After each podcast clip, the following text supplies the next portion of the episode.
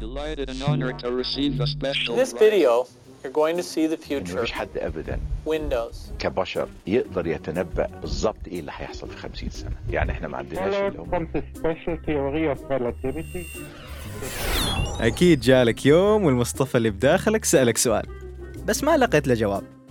أو احترت إيش الصح. في هذا البودكاست بيسأل المصطفى اللي بداخلي سؤال وراح يبحث عن إجابته. بالمناسبة اسمي أحمد الشيباني. بس أعتقد أنك قابلت كثير مصطفى في حياتك.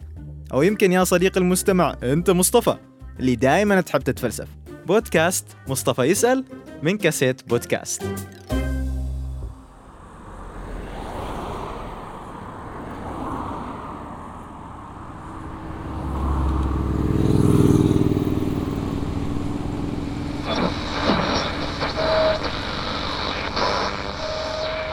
حذر تقرير للجنة الاستشارية لعلوم المناخ التابعة للأمم المتحدة من خطر المجاعة والجفاف وتفشي الأمراض في العقود المقبلة بسبب التغير المناخي.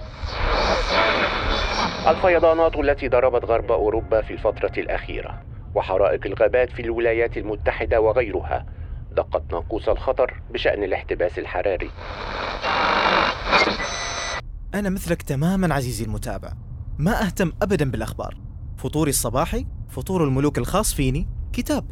بصراحة ما أحب آكل أبدا أي شيء أول الصباح لأن دائما بعدها الحسابات تكون معقدة. بس أكيد في استثناءات. اليوم طلعت من البيت أول الصبح ونسيت كتبي. غلطة ما أتمنى أي واحد يوقع فيها خصوصا أنت عزيزي المثقف. وللأسف اضطريت أسمع الأخبار بالخطأ وهذا تحديدا اللي سمعته. أطلقت الأمم المتحدة صرخة تحذير بشأن التغير المناخي الذي يعتبر المحرك الرئيسي للعديد من الكوارث الطبيعية في في العالم. 2015 كنا نتوقع واحد ونصف إلى درجتين مئويتين ارتفاع في درجة حرارة المناخ. في السنة الماضية رأينا أكبر غازات انبعاث. تغير المناخ. هذا الموضوع صار لي فترة أبحث عنه والسبب اللي خلاني واجد مهتم بالموضوع غير أنه فعلا مثير للتفكير وكثير من الحقائق حوله ما زالت في طور الاستكشاف أني تذكرت حزني الشديد على فراق ثلاجتي العزيزة. أيوة ثلاجتي. هذه الثلاجة عزيزة جدا على قلبي لأني ورثتها من جدي مصطفى. جدي كان ملهمي الأول بس كان لازم أكون شجاع وأتخلص منها. جدي العزيز مصطفى أنا فعلا آسف. لكن لازم أتخلص منها بأسرع وقت ممكن. أنت تفهمني صح؟ هذه الثلاجة صديقي المتابع كانت بمثابة أول معمل لي. كنت أحفظ فيها كل تجاربي بس للأسف كانت أيضا أحد أكبر المساهمين بثقب طبقة الأوزون. سألنا الناس إيش أول شيء يجي في بالكم لما تسمعوا عن ثقب طبقة الأوزون؟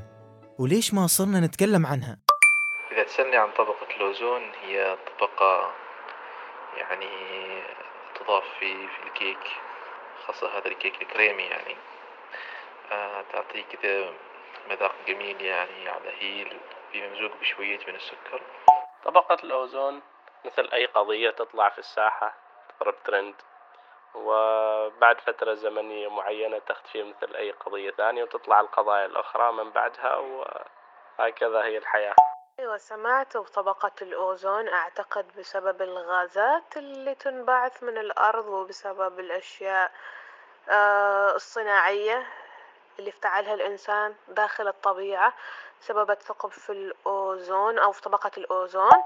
ما سمعنا عنه مرة الحين ويمكن تكون لعبة عشان يشغلوا الناس كل يوم بشيء.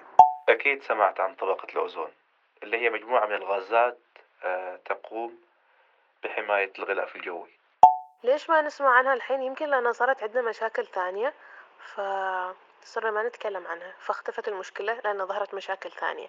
لكن أتوقع أن الحين ما نسمع عنها بسبب أن صارت الأمور طيبة. الناس بدأت يعني تتثقف وزاد الوعي بين الناس عن حماية طبقة الأوزون.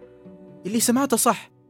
أحيانا لأنك بتخسر شيء جدا عزيز عليك تحاول تبرر الموقف حاله وتحصل حلول. وفي رحلتي لإيجاد حل لإنقاذ ثلاجتي الحبيبة اللي فعليا خسرتها خسرتها مع يقين أن هذا العالم ممكن يكون فعلا يتفق على حاجة ويبدأ ينقذ أجيال وأجيال من البشرية. أكيد الحين رفعت سقف التساؤلات عندك بس خليني أبدأ معاك من أول القصة. بصراحة القصة اليوم ملهمة. الدكتور فرانك شيروود رونالد كيميائي أمريكي. ولد في العشرينات من القرن الماضي وتوفي من قريب ما من فترة بعيدة في عام 2012 بعد ما قدم للبشرية ما يستحق نيله على جائزة نوبل في الكيمياء. عام 93 عن مجهود العلمي من سبعينيات القرن الماضي في موضوع طبقة الأوزون وست جوائز مرموقة أخرى. الرجال حل الأم الموضوع وجاب للعالم الزبدة. بس أنت تعرف عزيزي المتابع أن الأصدقاء العلماء كثير من اجتهاداتهم نظرية ولذلك مجهود الأمريكي فران شيرود وزملائه أخذ منهم تقدر تقول حوالي العشر سنوات عشان يبدأ يصير واقع.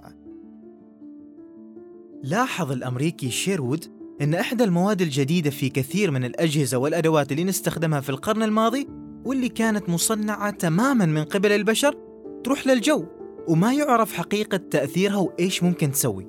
ولذلك عمل دراسة في تحليل هذه المادة وانتهى لخلاصة مثيرة للاهتمام في بحث نشر بمجلة Nature بعام 1974 يقول فيها نصا كنت أعلم أن مثل هذا الجزيء لا يمكن أن يظل خاملا في الغلاف الجوي إلى الأبد فقط لأن الكيمياء الضوئية الشمسية على ارتفاعات عالية ستفككه طيب يا صديقي فرانك إيش معنى هذا الكلام؟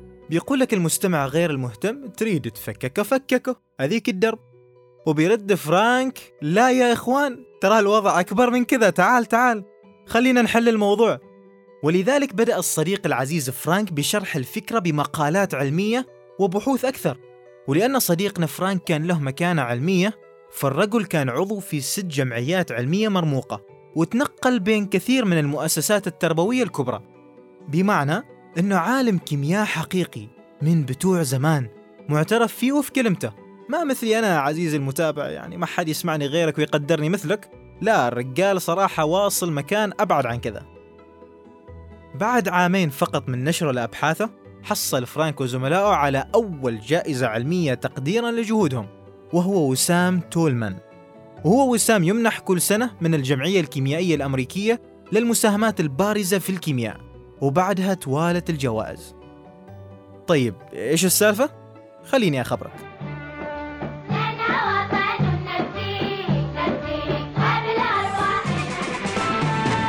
إحنا أطفال كل الدنيا. طالبين عيشة هادية الواحدة بتوقيت جرينتش هنا لندن. أيها السيدات والسادة السلام عليكم ورحمة القوات الله المسلحة البيان رقم واحد وهذا نصه.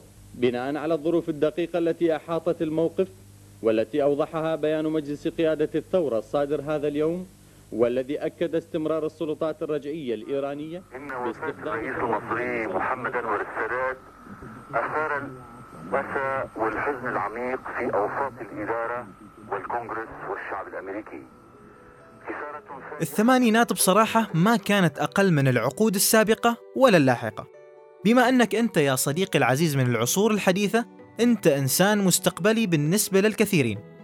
ولكن في وسط هذا كله ورد لأول مرة مصطلح طبقة الأوزون. ثقب في طبقة الأوزون فتح فوق منطقة المحيط المتجمد الشمالي ويعادل حجمه خمس مرات مساحة ألمانيا.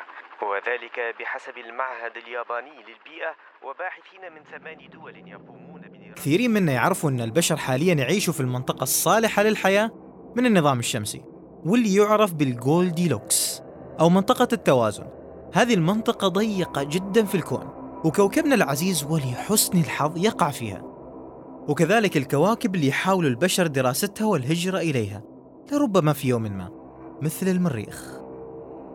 بس اللي يتميز فيه كوكبنا غير الماي هو الغلاف اللي يحيط بالكوكب واللي يحميه من كل شيء خارج هذا الكوكب.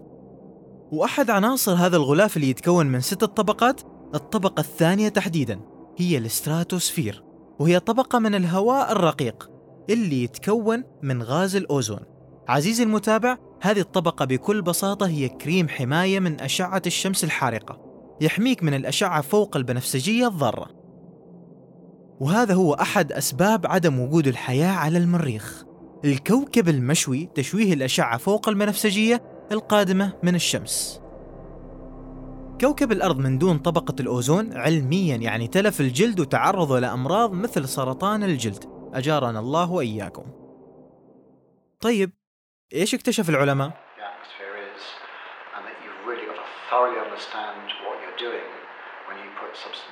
صنع البشر مركب يعرف تجاريا باسم الفريون ويعرف علميا وركز معاي تركيز لم يركزه المركزون لأن شوية الاسم غلق chlorofluorocarbons. مركبات إيش؟ أيوة كذا عليك نور.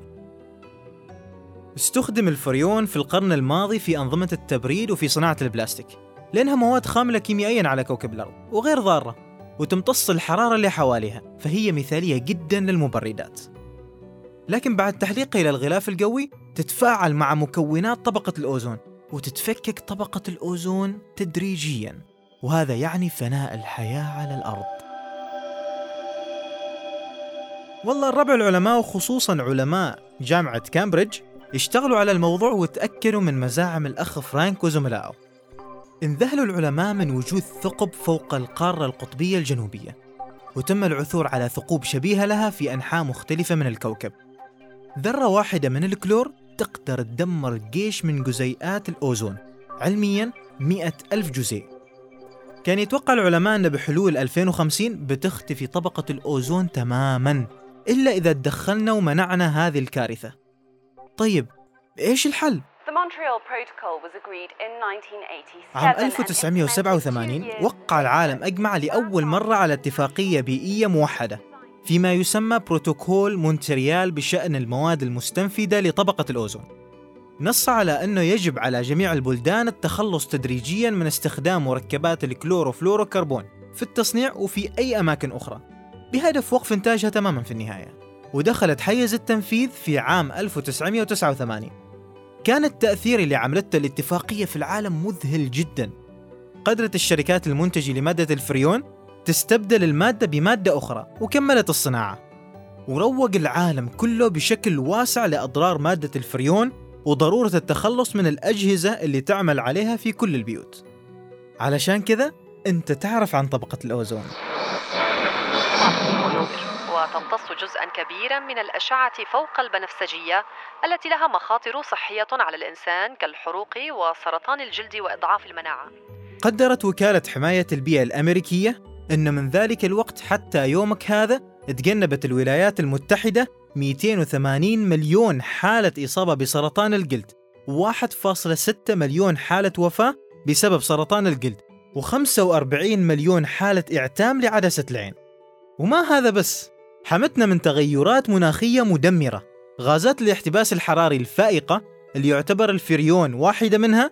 إذا استمرينا بإطلاقها في الغلاف الجوي بالمعدل نفسه فإن الأعاصير بتتضاعف ثلاث مرات في العالم. بعد ذلك بعامين أقرت 200 دولة بروتوكول مونتريال الذي يحدد الإجراءات اللازمة على المستوى العالمي والإقليمي والمحلي للتخلص تدريجيا من المواد المضرة بطبقة الأوزون. صحيح أن طبقة الأوزون بعدها ما زالت مثقوبة لكن دراسة أجرتها ناسا في عام 2018 تقول أنها وجدت أول دليل على تعافي طبقة الأوزون وإن من عام اكتشاف المشكلة حتى 2005 انخفض الثقب حوالي 20% وتشير الدراسة أن الثقب راح يتم رقعه تماما في عام 2060 تقريبا. وقد أعلنت المنظمة الدولية للأرصاد الجوية في عام 2014 أن بروتوكول مونتريال حقق نجاحا كبيرا بالرغم من أن توقعات الخبراء تشير إلى أن ثقب الأوزون لن يلتئم قبل حلول عام 2070 طبعا علشان أكون صادق معك كالعادة مشكلات المناخ ما زالت موجودة بس بصراحة اللي سويناه زمان نقدر نسويه اليوم إيش رأيك فيني؟ عجبك؟